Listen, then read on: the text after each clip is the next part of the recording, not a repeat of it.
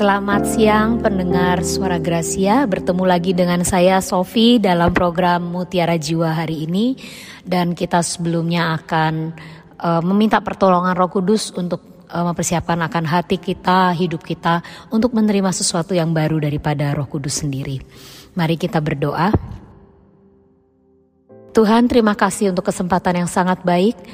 Kalau pada saat siang menjelang sore hari ini kami boleh datang kepadamu dan kami mau mempersiapkan akan hidup kami untuk menerima yang baru berasal daripada Tuhan. Engkau berbicara untuk setiap kami, sadarkan setiap kami untuk kami boleh menerima kebenaran firman-Mu dan menjadikan setiap kebenaran firman-Mu ini menjadi mutiara bagi jiwa kami Tuhan. Dan kami tahu bahwa kemerdekaan yang daripadamu akan mengikuti setelah kami mempraktekkan setiap kebenaran firman. Terima kasih Tuhan berbicara untuk setiap kami, kami siap untuk mendengar benar. Di dalam nama Tuhan Yesus kami berdoa dan mengucap syukur. Amin. Mari kita buka dari Yohanes 14 ayat yang ke-26. Saudara baca ayat yang ke-27 ya, nanti saya baca ayat yang ke-26.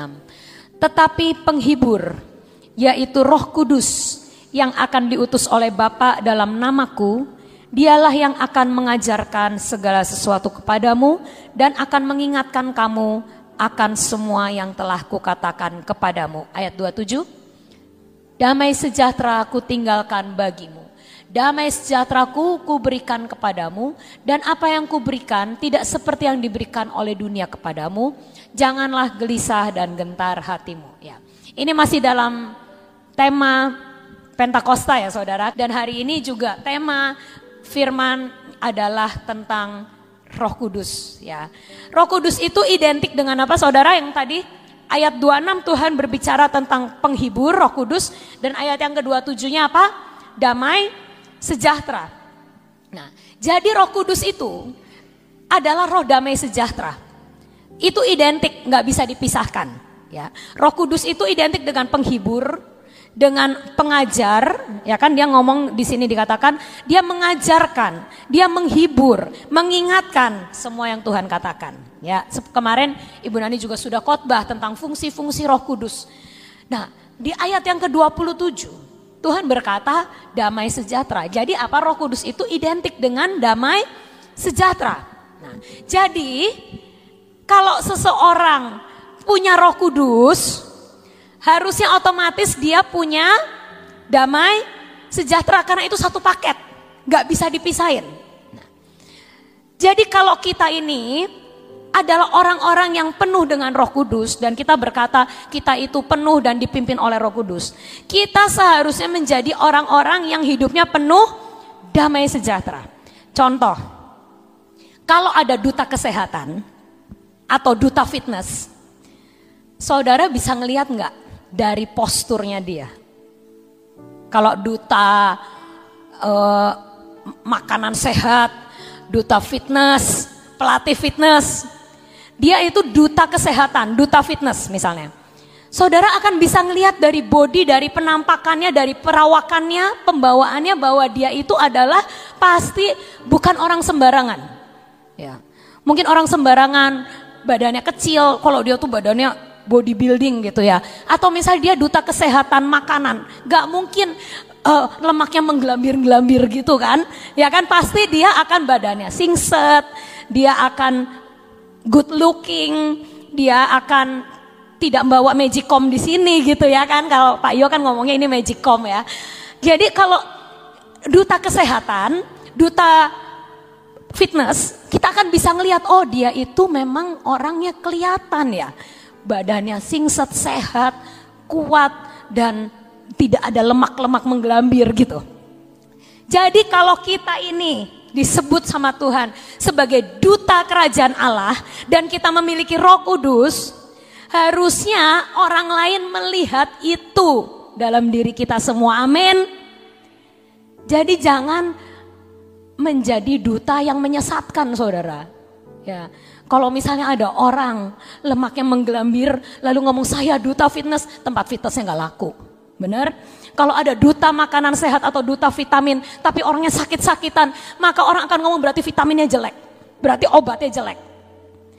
Kita ini dikatakan Tuhan kita duta kerajaan Allah dan kau memiliki roh kudus di dalammu, Tuhan sudah memberi kuasa meninggalkan roh kudus di dunia ini untuk memimpin, menuntun dan sebagainya. Berarti syarat pertama yang didapati orang dalam diri kita, kita harus penuh damai sejahtera.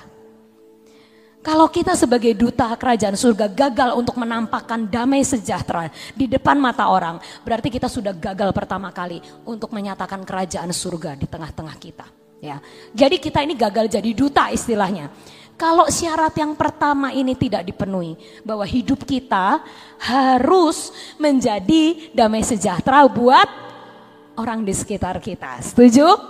Jadi hari ini kita harus berkata pada hidup kita, aku ini itu duta kerajaan surga loh. Jadi berarti syarat pertama saya ini nggak boleh jadi troublemaker, tapi saya harus jadi peacemaker Ke mana-mana saya harus bawa damai.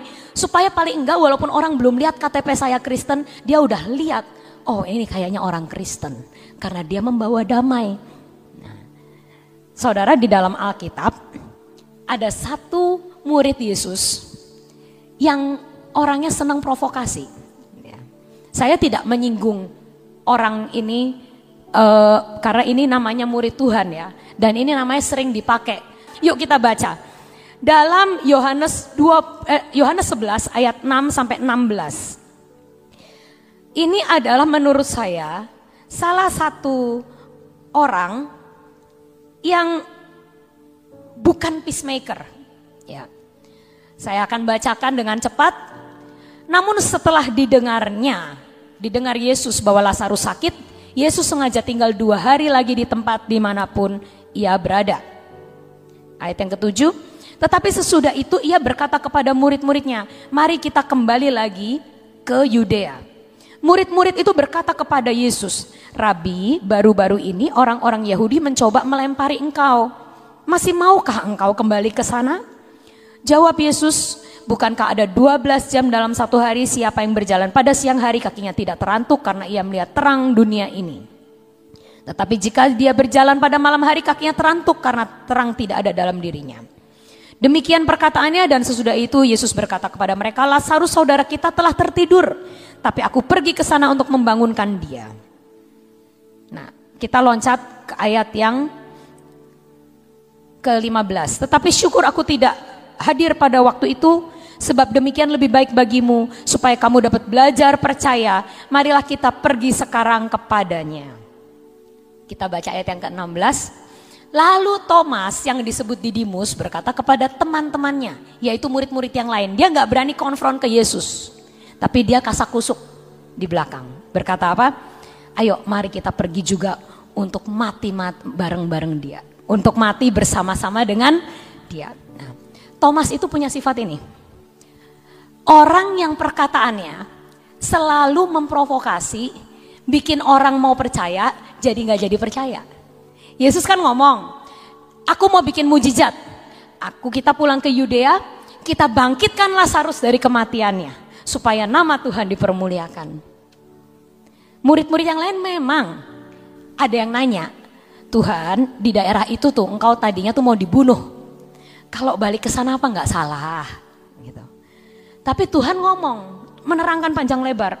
Tetapi aku akan menyatakan kemuliaan, kamu harus belajar percaya. Mari kita pergi sekarang. Lazarus sudah mati, tapi kita akan bangkitkan. Kamu harus belajar percaya. Tuhan lagi mem memberi pengertian dan mensiarkan akan hatinya ke murid-muridnya. Gak apa-apa, ayo balik ke sana. Kita nggak akan mati. Kita akan bangkitkan orang mati. Tapi Thomas berkata apa? Di belakang murid-muridnya, ya wis yuk mati bareng. Ya kan? Bahasa kan gitu kan? Ya wis mati bareng. Terus waktu murid-muridnya berkata waktu pas setelah Yesus disalib. Murid-muridnya ngomong kita ngelihat Yesus. Yesus real, hidup. Thomas ngomongnya gimana? Gak percaya gue.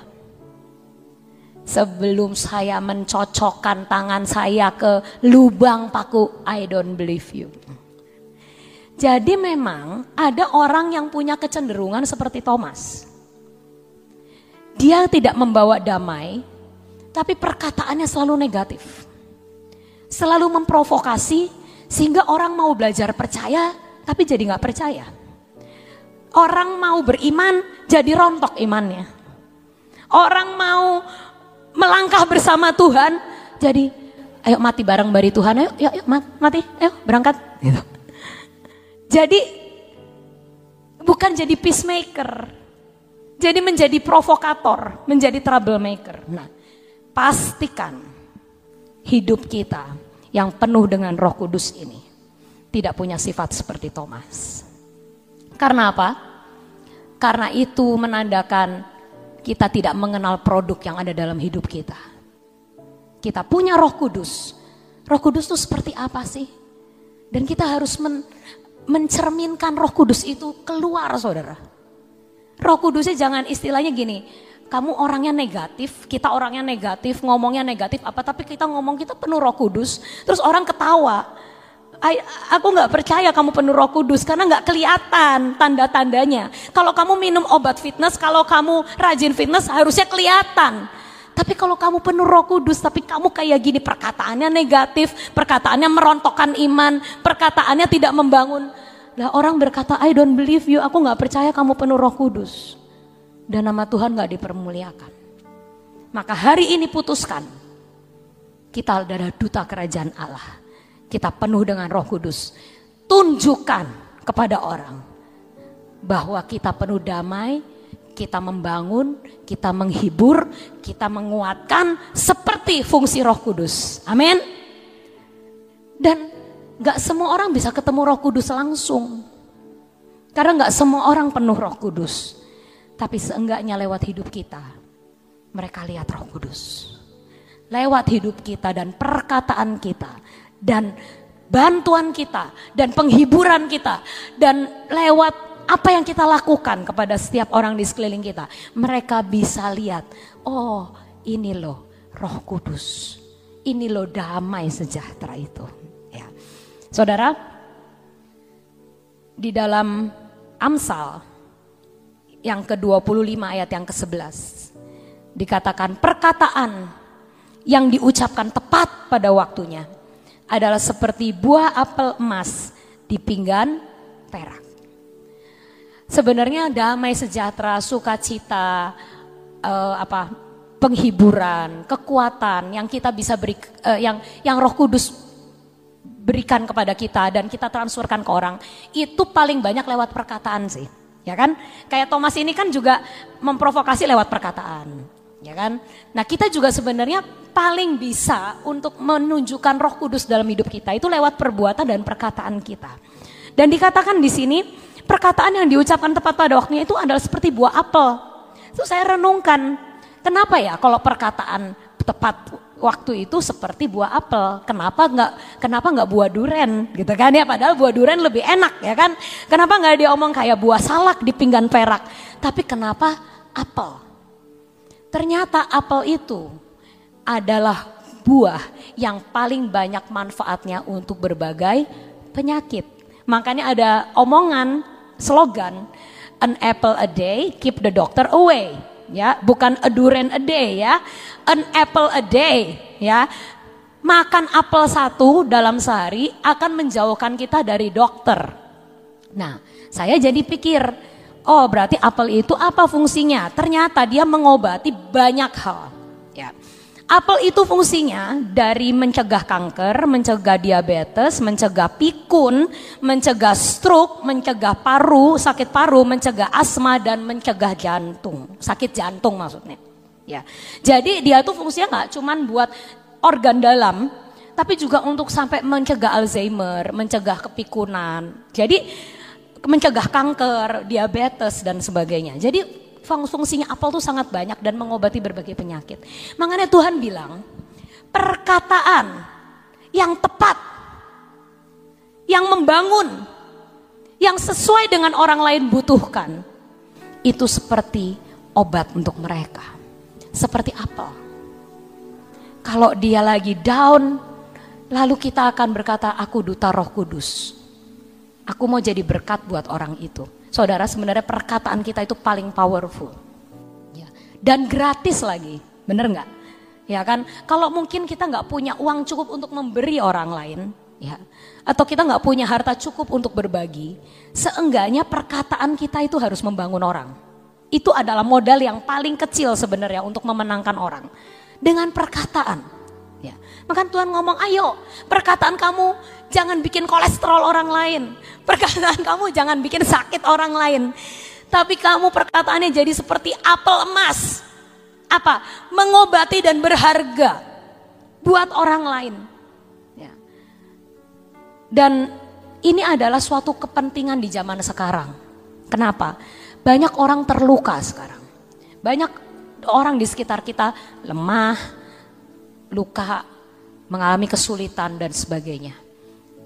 Seenggaknya kita bisa menjadi duta kerajaan Allah untuk mereka. Mungkin orang di dekat kita, orang di sebelah kita lagi ngalamin hal yang gak enak. Nah kita ini adalah duta yang harus memberi apel-apel emas kepada orang-orang yang membutuhkan. Nah saudara, ini intermezzo ya. Saya beberapa waktu lalu tuh nonton film drama Korea. Ya, uh, saya nggak akan kasih tahu judulnya karena nanti saya dikira promo film ya. Tapi ini film sangat memberkati saya. Nanti kalau ada yang penasaran boleh tanya judulnya Japri aja. Jadi ini ceritanya gini. Film ini lucu saudara.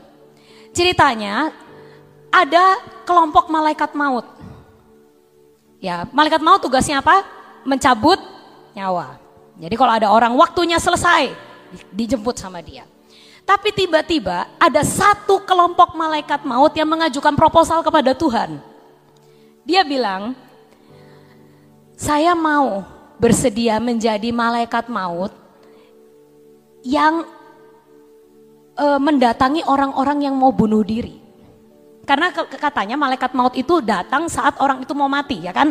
Nah, kalau ada orang mau bunuh diri, berarti kan malaikat mautnya juga datang tuh, mau nampanin rohnya kan? Begitu misalnya uh, apa loncat dari jembatan lah, apalah apalah kan malaikat mautnya udah nungguin. Orang sakit ditungguin ya kan kalau mau mati.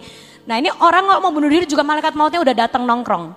Nah malaikat maut satu grup ini ngomong, daripada dia mati sia-sia, beri otoritas kepada aku untuk mendatangi orang yang mau bunuh diri. Dan aku mau berbicara sama dia untuk terakhir kali. Barangkali orang itu berubah pikiran Lalu Tuhan setuju, ya karena tingkat bunuh diri di Korea ini sangat meningkat. Saya izinkan kamu kelompok malaikat maut itu untuk mengkonseling orang-orang yang mau bunuh diri. Tapi saya hanya beri kesempatan kepada kamu sekali itu. Ya, orang mau bunuh diri itu biasa udah ada di pinggir jurang, saudara, udah di pinggir jembatan. Dia hanya malaikat maut ini punya waktu paling satu menit, dua menit untuk mengubah pikiran orang itu untuk nggak jadi bunuh diri. Tapi akhir cerita di film itu lucu banget lah, malaikatnya pakai handphone Lalu tiap kali ada tugas. Orang ini mau bunuh diri di jembatan ini. Lalu mereka set datang ke jembatan itu. Dan dia akan ngobrol sama orang itu di pinggir jembatan. Dan berusaha untuk membuat orang itu nggak jadi bunuh diri. Tapi saudara tahu di film ini ya selama 16 episode ceritanya macam-macam alasan bunuh dirinya macam-macam saya sampai ngekek nangis ngekek nangis ya kan mereka itu bisa memberitahu dalam dua menit itu mengubah cara berpikir orang. Ya. Dikasih tahu satu hal, tak, yang bikin orang itu, iya ya, iya benar-benar mengubah cara pandang. Dan kelompok malaikat maut ini termasuk sukses. 16 16 episode itu berhasil membuat orang itu nggak jadi bunuh diri, saudara. Ya, dengan berbagai kasus. Ya. Jadi saya pikir benar perkataan itu penting. Perkataan kita ini bisa menjadi senjata yang mematikan yang membuat iman tambah ambruk, yang membuat iman orang lain tambah loyo, atau juga bisa membangkitkan semangat mereka untuk membuat mereka jadi, oh iya ya, masih ada Tuhan. Oh iya ya, masih ada jawaban. Dan kita ini duta-dutanya Tuhan yang harus menjadi orang-orang itu, menjadi penolong-penolong untuk orang-orang di sekitar kita. Tuhan mungkin taruh tetanggamu yang sulit. Mungkin Tuhan taruh mertuamu yang sulit Ya, nggak usah cari jiwa di luar lah. Cari dulu yang di dalam dan di dalam lingkungan kita. Mungkin Tuhan kasih temanmu yang lagi kesulitan. Mungkin Tuhan kasih gurunya les anakmu yang lagi kesulitan. Bisa siapa saja. Orang-orang yang Tuhan kirimkan hadir di hidup kita. Dan kita harus menjadi duta kerajaan surga. Ya. untuk menjadi support system buat mereka. Untuk perkataan kita ini selalu menjadi apel emas di pinggan perak bagi setiap orang yang membutuhkan kesembuhan. Kami percaya Roh Kudus sudah hadir. Kita percaya Roh Kudus sudah ada di dalam kita. Tugas kita adalah menyatakan Roh Kudus kepada orang lain supaya nama Tuhan dipermuliakan. Amin. Tuhan Roh Kudus, terima kasih untuk waktu yang kau berikan, untuk firman, untuk penyadaran, penjabaran yang Engkau berikan untuk setiap kami. Jadikan kami tidak hanya sekedar mendengar, tapi menjadi pelaku-pelaku firman-Mu yang setia. Biarlah kami boleh menyatakan akan roh kudus di dalam hidup kami. Biar orang bisa melihat bahwa kami adalah duta-duta kerajaan surga lewat roh kudusmu yang bekerja dalam hidup kami. Dan kami boleh menyatakan kebenaran, penghiburan, menyatakan akan roh kudusmu nyata hidup di dalam setiap kami. Biar orang bisa mengenal Engkau dan tertarik untuk mengenal Engkau lewat hidup kami Tuhan. Terima kasih Tuhan Yesus, jadikan kami duta-duta roh kudus. Biar di hari Minggu Pentakosta ini Tuhan.